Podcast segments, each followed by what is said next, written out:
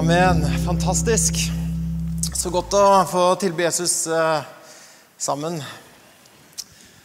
Dere, nå eh, er det jo eh, så fint og stor glede å få, få dele Guds ord med, med dere. Og mm, jeg tenkte jo og ba og finne, på, finne ut hva er det jeg skal dele om i dag. Og, og så ble det, hvis du vil ha en overskrift, så kan jo begynne der. Så tar vi det derfra, og så får du vurdere etterpå om du syns innholdet hang eh, godt eh, i hop med, med overskriften. Ikke sant? Det er altså det store i det små. Ja. eh, Og det kan jo være bra å få, å få minne seg på. Ja. Det ble et lite rim òg, vet du. Så det, vi begynner godt her. Jeg lover ikke at det blir rim hele, hele prekenen, men, men noe blir det vel. Så jeg vet ikke åssen din erfaring er av, eh, av det også at du Noen ting skjer som ikke ser så veldig stort ut sånn utenifra. Ikke sant? Ikke sant? Veldig betydningsfullt. Men når du ser tilbake, så ser du oi, det her var et viktig vendepunkt i livet. Jeg har hatt noen sånne vendepunkt eh, i livet. og husker f.eks. en episode som jeg husker veldig godt. Hvor eh, jeg er på en ungdomskonferanse og skal forkynne litt der og gjøre litt forskjellige ting. Og så skal jeg bare inn og ta en kopp kaffe, og der er det ei som hjelper til, som er så flott og fin. Så jeg tenkte at hun der, hun er jo så flott og fin at uh, dette her må jo virkelig Dette her må jo bare være å kjøre på. Altså, Så flott hun er, så om vi får noen gode samtaler eller ikke. Altså, Hun er jo så flott og fin uansett. Jeg skjønner at du ikke var enig i den vurderingen der. Men det har blitt mange gode samtaler også etter hvert. Bare tøyse litt med deg. Så, så, så, hva han mener? Mener han at vi bare skal gå etter det ytre, da? Nei, men absolutt. Det også, altså. Ja, det er noe annet. Det, vi bør ikke gå inn på det. Men, men der, der, altså, så ser jeg jo på henne, og det legger min kommende svigermor legger merke til det. Og hun lar jo ikke hvem som helst Skjønner? Altså, mødre, de, de, de følger med, vet du. Ja, ja. Fedre kanskje enda mer. Ok?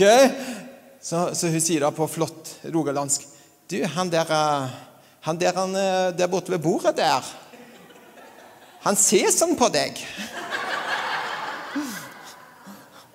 Og, og Miriam, da, kona mi Ja. Ja. Og du Han, han ligner sånn på han der han Leonardo DiCaprio. Uh, og det tenker jeg at uh, Hadde Leonardo visst det, så tror jeg han hadde blitt kjempestolt. Han der han er pastoren i Jesus Church. Som ligner som på han der han Det er det første gang jeg har hørt det, og siste gang også. Så jeg vet ikke om det var et sånn slags slør eller et eller annet. Slør eller favør, alt ettersom hvordan du ser det. Men uh, i alle fall så ja, men, altså, da, var det, da, da ble det oss to. og fikk jo flott svigermor med på på dealen der. Sånn er det. Det er litt sånn som å begynne i kirken, egentlig. Du, du, tror du har sagt ja til Jesus, og så tar han med seg hele familien. Det, det blir sånn, vet du. Så eh, Sånn er det, vet du. Vi, eh, men det begynner, det begynner litt eh, Det begynner i det, i det små, og så blir det likevel noe som er veldig betydningsfullt. Det er Noe av kunsten i livet er jo å gjenkjenne det store i det små. Og så kan det jo tenkes da, at uh, i mange av våre ordinære rutiner at vi kan bli gjort oppmerksomme på Guds nærvær på overraskende måter ved at vi omfavner det hellige i det hverdagslige. Og så tror jeg at vi skal uh, drømme stort om å gjøre en forskjell i verden og så er det ikke alltid at samfunnet eller kulturen vi lever i, er like egnet til å definere hva som er stort og viktig i livet. Men det gjør Jesus. Så han hjelper oss med det kartet der til å definere ja, men hva er virkelig stort, og hva er latterlig lite. Jesus gjør det hele tiden med, med disiplene. Og vi tror at Gud er en stor og mektig Gud. Vi har lovsynget Gud. Vi begynner med å synge 'Store og mektige er dine gjerninger', du tidsaldrenes herre. Sånn er Gud. Gud er mektig. Han kan alt. Han vet alt. Han er overalt. Gud er større enn vi kan tenke og forstå. Han, han er eh, han er stor og mektig, og, du, og det på en måte mangler på en måte ord og, og, og du merker det, ikke sant? Det må, du bare stopper opp. Ikke sant? For at, at Hvor stor og miskunn altså hvor, hvor, ikke sant? Det er liksom utover det vi klarer å sette ord på. Samtidig er jeg glad for at det ikke stopper der. At Gud var så stor og så mektig og så utilgjengelig og så uforståelig at vi blir bare stående sånn der ah, Ja, Uh, ikke sant? Og, og, vi er bare tomme for ord. Det er liksom, vi, bare helt, vi skjønner ingenting. Det er så stort og så annerledes og så fjernt fra hvem jeg er, at jeg klarer ikke å begripe hvem han er. Og så er det akkurat som Jesaja gir oss litt hjelp. Han gir oss mye hjelp når du begynner å lese Jesaja, men i Jesaja 57, og fra vers 15, der står det Så sier han Isaiah 57, 15. Så sier han som er høy og opphøyd. Så sier han som er høy og opphøyd. Ja. Han som troner evig. Den hellige er hans navn. I det høye og hellige bor jeg. Altså, Sånn er Gud. Altså, Jorden er, det er liksom som, som en fotskammel for hans føtter. Ikke sant? Sånn er Gud. Og så kunne man jo stoppe der og, og så tenke wow. Men så fortsetter det jo ved en annen side av Gud, som også er Gud. Som at han er hos den som er knust og nedbøyd i ånden. Er det mulig? Altså Gud som er høyt opphøyd over alt, mer enn vi kan tenke, mer enn vi kan forstå. Og så er han også der, da! Altså han som er hos den som er knust og nedbøyd i ånden. Og så sier han, 'Jeg vil gi ånden liv hos den som er bøyd ned', og gi hjertet liv hos den som er knust. Jeg syns at sånne vers som dette her det, det får meg til å snurre rundt og juble og danse og synge og tenke Sånn er Gud! Det er ikke liksom enten-eller. Det er begge deler. Han er i det store og uutgrunnelige. Og så er han i et altså et menneskehjerte. Liksom, som, altså, nå er jo hjertet mer enn den fysiske eh, muskelen i, når vi leser i Bibelen. Men du kan jo tenke at han er nær hos den som er, på en måte føler seg lite nok og ting er altså gått i stykker. Det er jo bare liksom biter igjen her. Ja, Men de bitene, det kan jeg, der kan jeg bo! I, her, de her, de, I de ruinene her. I de ruinene som er igjen av ditt liv. vet du, Der kan jeg bo, og så gjør jeg i stand et sted her, jeg, som blir en bolig for meg så gjør jeg det i stand. Så gjør jeg det helt igjen. Og så, skal, og så, han, og så fyller han det stedet der med liv. Det er helt fantastisk. I første kongebok, kapittel 19 og vers 11-13, så møter vi en profet med masse eh, Ja, han er altså en helt unik person med masse med, med, med, stil, altså.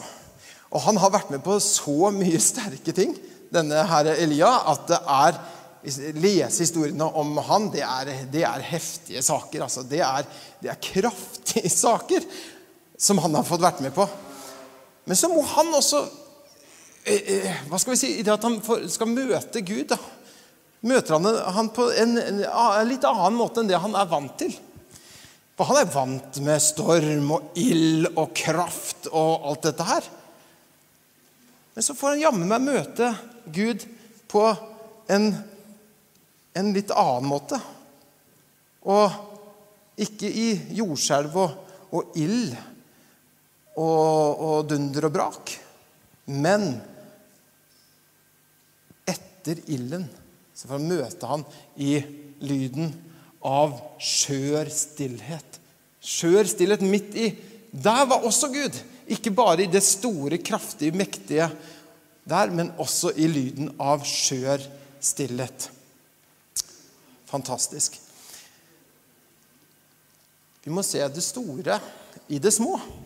For Gud er begge, begge steder. Tenk på det. Bare hvor, hvordan vi skal på en måte Hvis vi nå vender oss til, til, til Jesus, og så, og så får vi se hva Jesus gjør også. For han demonstrerer jo dette her på en helt, helt uh, spesiell måte. Tenk på det at Jesus tar tak i dette her. Når disiplene spør hva er det som er eh, stort, hvem er stor, og hvem er størst? Er det deg eller meg? Eller? Nei, det er ikke det. Det er ikke noen av dere. Sorry. Sorry, venner. Men her, ja. Her har vi lille Mathias. Ja, det er han, ja. Han med lille busen i høyre nesebordet der. Det er han lille snørrete, eh, snørrete gutten der. Kan du tenke på han kommer. Så her, altså. Den som gjør seg som eh, til lite, lite barn, han er stor i Guds rike.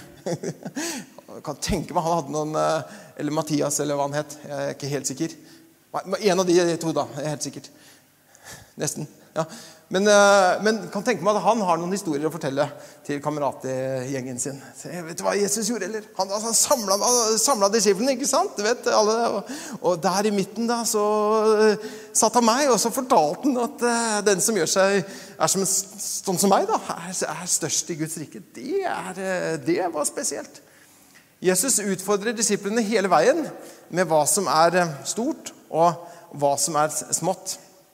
Ikke bare disiplene, man utfordrer jo disiplene også. Nei, fariseerne òg, altså de religiøse lærerne på den tiden. Fariseerne og, og skriftlærde. Og så, så sier vet du hva, og det er et sånt veldig morsomt uttrykk. For noen som har snudd litt opp ned på tinga. så er det at, Vet du hva dere gjør? Dere siler myggen. Det er sikkert mange av dere som har prøvd det, å koke suppe på mygg. Myggsuppe er jo blitt veldig populært. Og endelig så kan vi bruke, bruke myggen eh, til, til, noe her. De oppfordrer oss nå til å spise mer insekt, insekter. Ikke alle syns det er et like godt forslag, og det, er veldig, det forstår vi også. Men iallfall sier han til disiplene dere, dere siler myggen.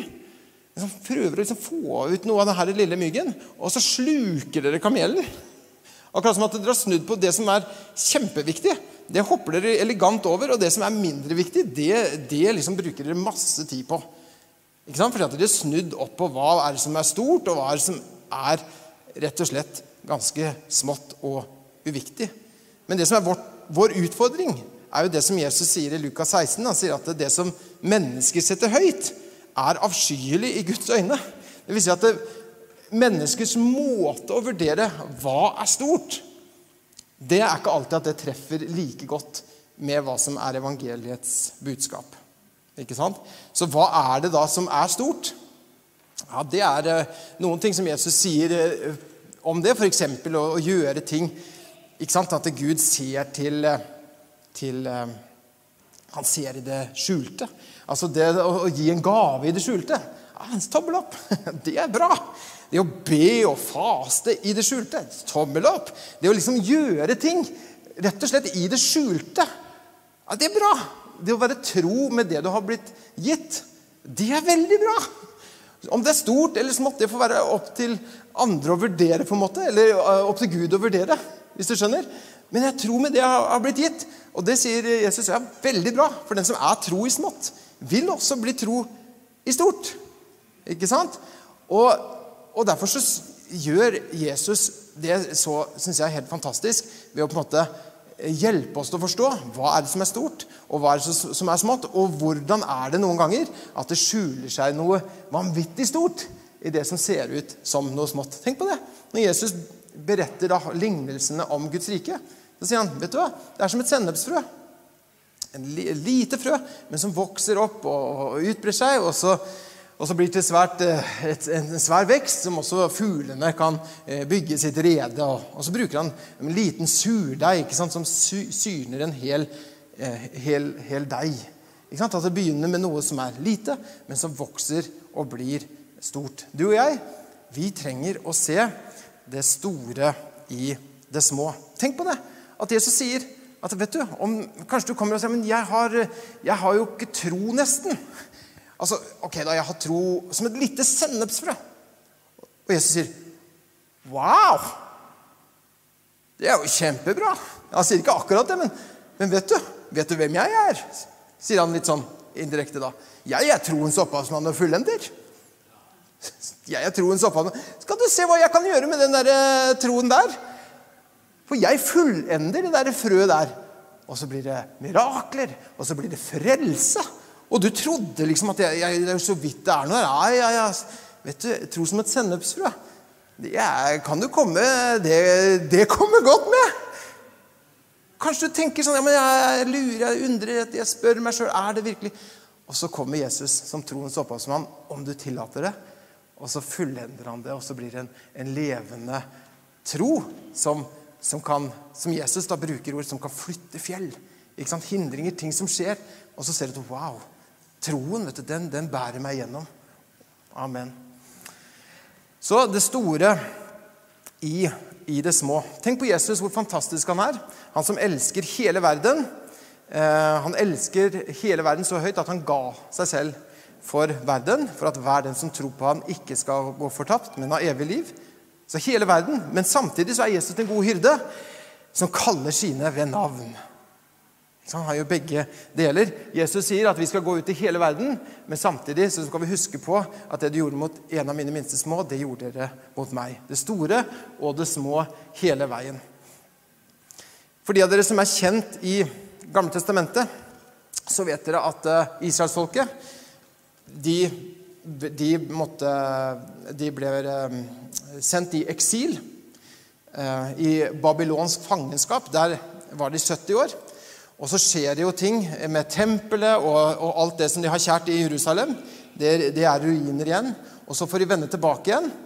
Og så skal de bygge og gjenoppbygge det som var gått tapt. Tempelet, bymuren, altså alt, alt som har med trygghet og, i, i, byen, altså bymuren, og, og, det religiøse livet, som er så viktig for, for, eh, for, for israelittene. ikke sant? Så de skal gjenoppbygge tempelet. Og igjen så er det jo noen som trenger å få høre det samme som jeg har på en måte sagt nå, og se det store i det små. For i Esra i Gamle Testamentet så leser vi i kapittel eh, 3 og vers 10-13 eh, så, så, så, får vi et innblikk. da, At her begynner vi å bygge opp igjen tempelet igjen. Og det er jo flott. Det er jo veldig flott. Og de går med, med friskt mot i gang. Men så er det så, det, eh, så, leser vi at hele folket jubler høyt og lovet Herren, for grunnvollen til Herrens hus var lagt. Noen jubler og er glade for Se her, vi har lagt liksom Grunnvollen er steinen. Se, vi er i gang! Sjekk, da! Wow! Yes! Og det er jubel, og det er sang, og det er, det er helt, helt, Det står her at det, jubelet er så høyt at det høres vidt omkring. Kan du skjønne? Det er bare Yes, vi er i gang, folkens! Men så er det i det jubelet så er det også en hel del som gråter. De gråter, men det er så høyt at du hører bare liksom jubelen. Men de eldste, de som hadde sett Salomos tempel, de gråter og sørger. Ja, men er det her, da? Hvis Gud er med oss Hvis Gud er med oss, så er det er det, det her. Og så sørger de. Altså Hvis Gud virkelig var med oss hva, hva er nå det her liksom, i forhold til eh, Salomos tempel? Det ser så lite ut. Det ser så ubetydelig ut. Men da Da er det eh, Zakaria sier noe til dem. I Zakaria kapittel 4 og vers 7 og 10 så står det Hvem er vel du, Hvem er vel du, store fjell? Er det ikke herlig å lese i Bibelen? Det er, sånn, er så masse friske uttrykk, og så godt å lese i Guds ord. Hvem er vel du, store fjell? For, uh, foran Serubabel Det er han da som er i, i gang med å bygge her og, og, og stå på. Foran Serubabel skal du bli til en slette.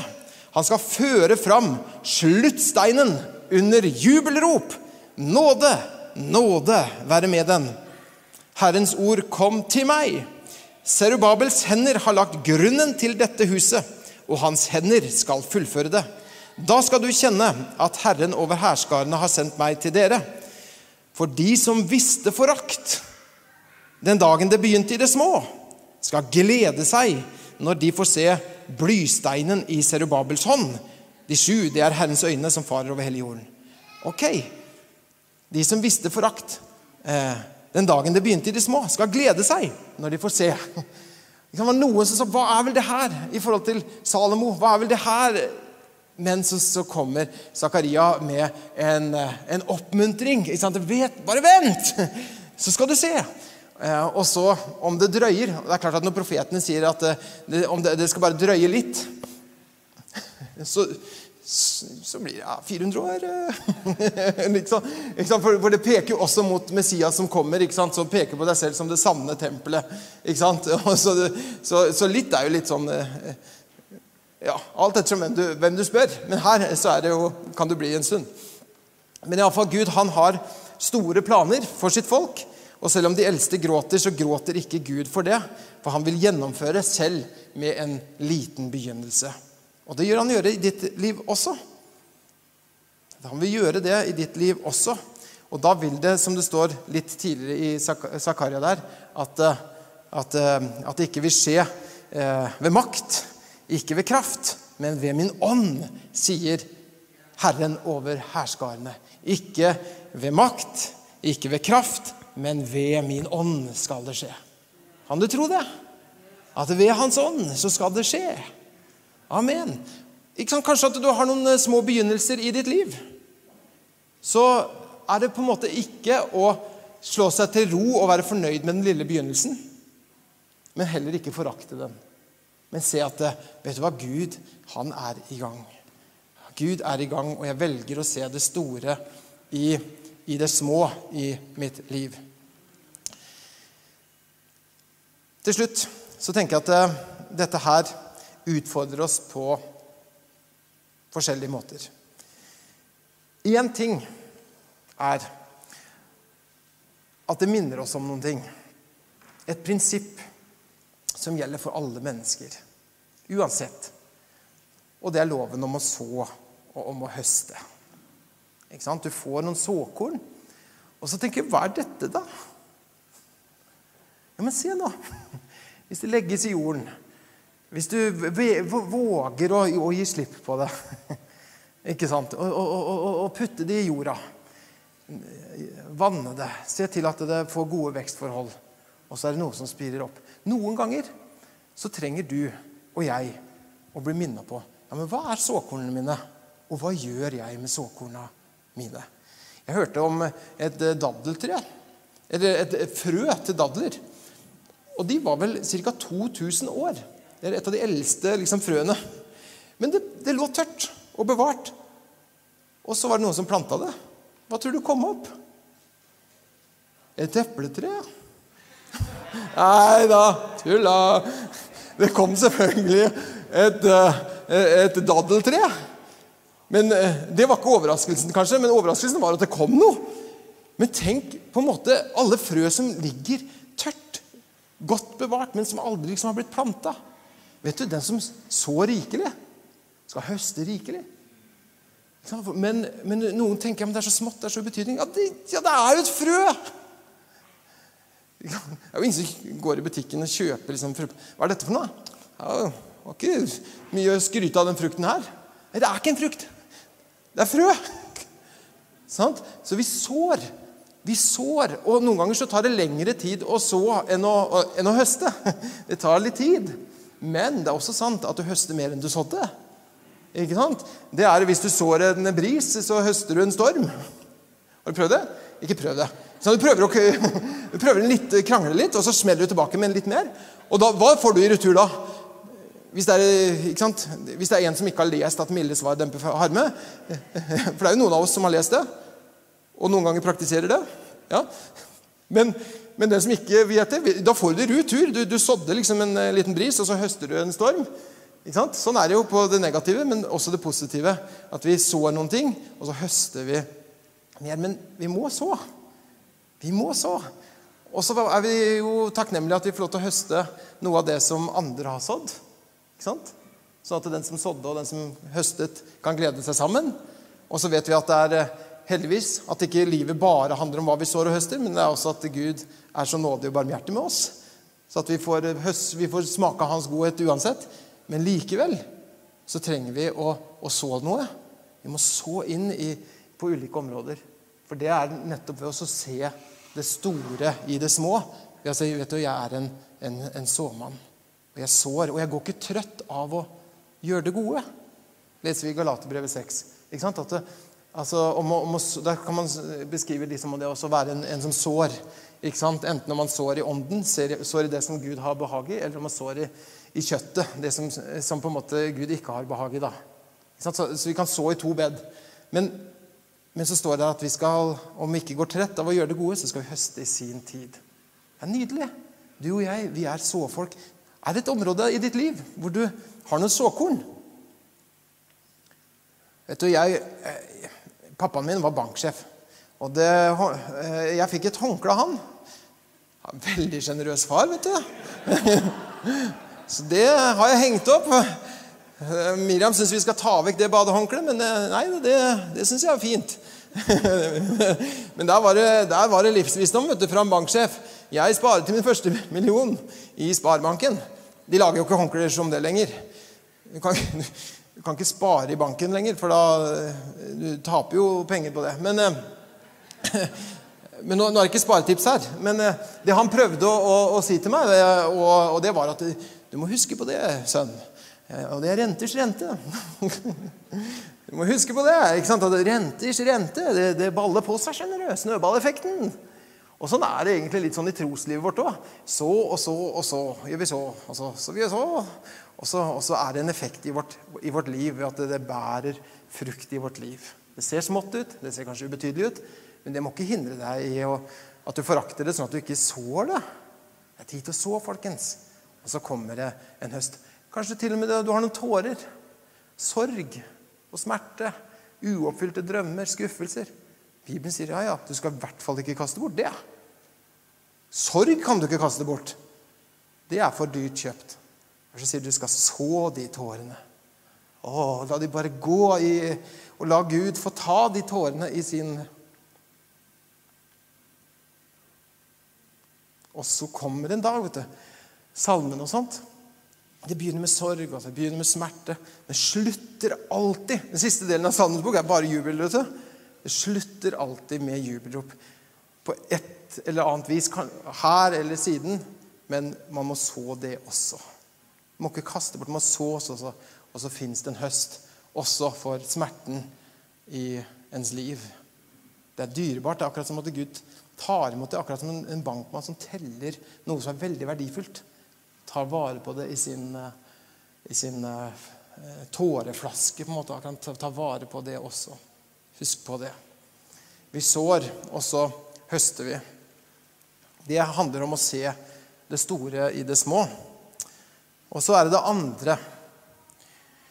Og det er at uh, jeg syns det er forunderlig å, å bare Altså, Jesus er jo bare så fantastisk at jeg skjønner nesten ikke at folk uh, ikke kan eh, hvis du, bare, hvis du bare lærer å se hvordan Jesus er Hvis du, hvis du på en måte tar, bare ah, Så kan man ikke la være å bare bli overraska, forundra, provosert på en sånn fantastisk måte. Du vet, du kan bli provosert over noen som har helt rett, men du er ikke enig.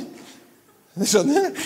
Sånn, ja, og, og, du blir helt forelska i Jesus etter hvert som man begynner å lære ham å kjenne og se i ordet. Så er det wow. Vet du hva? Hos han er det, det er liksom det er så rent og så rett. Det er liksom null. Liksom, det er ingenting ved Jesus som på en måte jeg synes er, som du liksom er redd for å liksom gi deg til. Jesus er bare best. Ja. Amen. Men, men han, da, når Jesus Kan du tenke deg når Jesus står opp fra de døde? Det er jo Er det noen som er enig i at det er en stor begivenhet? Ja. Glad for at du nikka på den. Hvis ikke så har vi bibelskole her eh, på TVBMI. Det har vi uansett. Eh, men iallfall at Jesus står opp igjen. Og hva folk gjør hvis du har liksom vært på reise lenge, vært borte Du har eh, vært i koma, da. La oss si du har vært i koma et halvt år. Hva du gjør etter du har vært i koma et halvt år, sier litt om hvem du er, og hva som er viktig. Er du enig i det? Oi! Wow! Det har kommet en ny serie på Netflix. Den må jeg binge. Det er, liksom, det er det første du gjør etter å ha vært borte i tre måneder.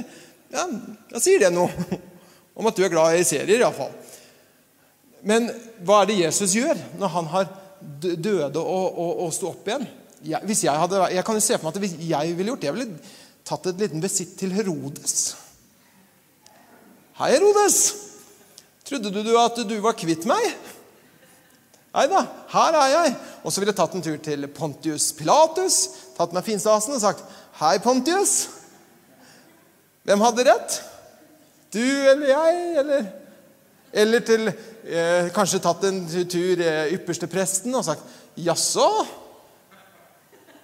Ja, hvem er det som eh, gosser seg nå? Ikke dere, nei. Det har dere forresten aldri gjort. Hæ? Men det er masse Jesus kunne gjort. Men Kleopas, han må jeg være sammen med. Går sammen med Kleopas og vennen sin. Disipler, to disipler. Desillusjonerte, redde. Og vi som trodde at dette her var Israels håp. Er det rast sammen, det vi hadde gitt oss til. Trodde at det var over nå. Og De hadde kanskje vært stille liksom hele veien og så hadde de begynt å snakke sammen om hva de hadde opplevd. Og, vi trodde jo at, det, han skulle, at, han skulle, frelse sitt folk. Vi trodde jo at det var utfrieren. Vi trodde jo Nå er det tredje dagen, og det har ikke skjedd noe. De var ikke veldig tålmodige. Det, det skal vi vel være enig i. De var raske med å, å kunne vente litt. Det var jo fortsatt liksom tredje ja, dagen og sånt. Men eh, iallfall, de er uh, på vei til Emmaus. Det er noen som har sagt det sånn at det er stedet som ingen vet hvor er men som alle har vært. Man finner ikke helt ut hvor Emmaus er. Man vet at det er liksom 11 km, eller noe sånt, men ikke helt hvor det er. Men mange av oss har vært der likevel. Stedet hvor vi har på en måte blitt desillusjonert eller vi har møtt på en, en trøkk. Men der kommer Jesus og viser seg som oppstanden og sier ja, hva går dere og snakker om? Er du den eneste som ja, En morsom dialog. Er du den eneste som vet eh, hva som har skjedd i, i Jerusalem disse dager? Nei, fortell. Liksom Veldig interessert i å lytte til. kan du tenke. Og så, og så møter han de, setter seg ned, spiser med de og har fellesskap med de. Hva er det Jesus egentlig gjør rett etter oppstandelsen? Han demonstrerer hva en smågruppe er. Spise sammen, dele Guds ord, spørsmål-svar, bønn, varme hjerter, tilbake på rett kurs. De vender tilbake igjen til Jerusalem. Med andre ord Det er fint å være i Jerusalem. Det er fint, å være med, med, det er fint med pinsedag. Det er kjempebra. Alle folkene samlet på et sted, og, og, og kjempebra. Men også den der praten rundt bålet der, den trenger du også. Du trenger det store fellesskapet av kristne hvor vi tilber Jesus. Men så husker vi på jo, men Gud er også i det små og i det nære. Og de to tingene må vi ha begge deler, for vi må se det store også i det små. Og det er en illusjon å tro at det at vi forkynner her på søndag Visste du at det på en, eller Det er ikke en illusjon å tro, for det gjør vi jo. ikke, men å, tenke at det skulle dekke alle behov for åndelig liv og vekst i ditt liv, det er, en, eh, det er å legge for mye eh, det, er å legge for mye på rett og slett denne prekenen og på dette type fellesskap. Vi trenger også å møtes i et mindre fellesskap om vi skal se disippelliv og etterfølgelse av Jesus og nære, sterke relasjoner hvor vi også møtes i et, i et mindre fellesskap. Vi trenger å se det store i det små på den måten også. Og særlig Tenk Jesus også har det. Tenk på det at når Jesus er i Getsemane, så sier han til disiplene, 'Bli her med meg. Våk med meg.' Altså, Jeg vil ha de nærmeste hos meg. Altså I, i, i sin mest prøvede stund, stund, hvor han, sorgen tynger han til døden, så vil han ha disiplene med seg. Når han er på høyden for Forklarelsens berg, så tar han med seg noen. Peter og Jakob og, og Johannes. For Jesus også praktiserer det, at han elsker alle mennesker. Han trener noen, og så er han nær med, med, med no, ekstra nær med noen færre. Og vi trenger å ha det i vårt liv hvis vi skal se det store i, i det små. Så det er også en oppfordring nummer to. Det er også, også hengi deg også til det mindre fellesskapet som vi har i, i, Jesus Church. Hvis du har dette her som en forsamling, eller ønsker å ha det, så er det også en sterk oppfordring og oppmuntring fra meg i dag, for det, det trenger vi om vi skal leve disippellivet sammen. Noen ganger så synger vi her Takk, Jesus, at du ble liten for oss, ble ydmyket og hamret til et kors. Der viste du deg større enn alt. Takk, Jesus, at, uh, at vi kan se, se deg, tilbe deg, ære deg, hylle deg, Jesus, som den, som den du er, Jesus. Takk at du er stor og mektig, men at du også er nær hos oss. Selv at du kan bo ved troen i et hjerte, Jesus, som, som lengter etter deg, Herre. Takk, Jesus, at du hjelper oss å se og gjøre oss oppmerksom på hvordan du handler i vårt liv, i det som kanskje ser rutinemessig ut, det ser lite ut, men midt i det så gjør du mirakler, Herre Jesus. Vi takker at det er ting som starter opp i det små, der har du en vei, Herre. Så velsigner du det, og så mangfoldig gjør du det, og så blir det til liv til mange, mange mennesker. Jesus, jeg takker deg for at du fortsatt kan ta imot våre brød og fisker, og at du velsigner det og mangfoldig gjør det, Jesus.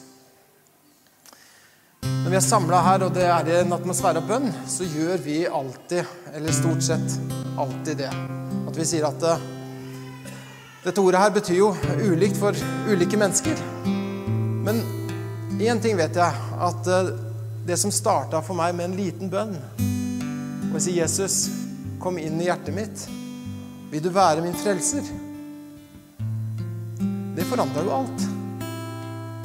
I det ytre kanskje noen små ord, men som endra hele livet mitt. Og vet du, i den lille bønnen hvor du kan be Jesus kom inn i mitt liv Vil du være min frelser og min aller beste venn? Så vil han ta imot. Han vil lytte til den bønnen og si ja, det vil jeg. Jeg har allerede gitt alt for deg. Så vi kan be en bønn sammen. Og hvis du er her og ber den bønnen for første gang, så er det, det, så er det det største som kunne skje her denne søndagen her. La oss be sammen. Du kan be etter, etter meg. Kjære Jesus. Takk at du døde for min skyld. At du tok min synd og skyld og at jeg har fått blitt tilgitt i deg. Nå ber jeg deg, Jesus, kom inn i mitt liv. Vær min frelser og Herre og aller beste venn. Jesus, jeg vil følge deg fra i dag av og resten av mitt liv. Amen.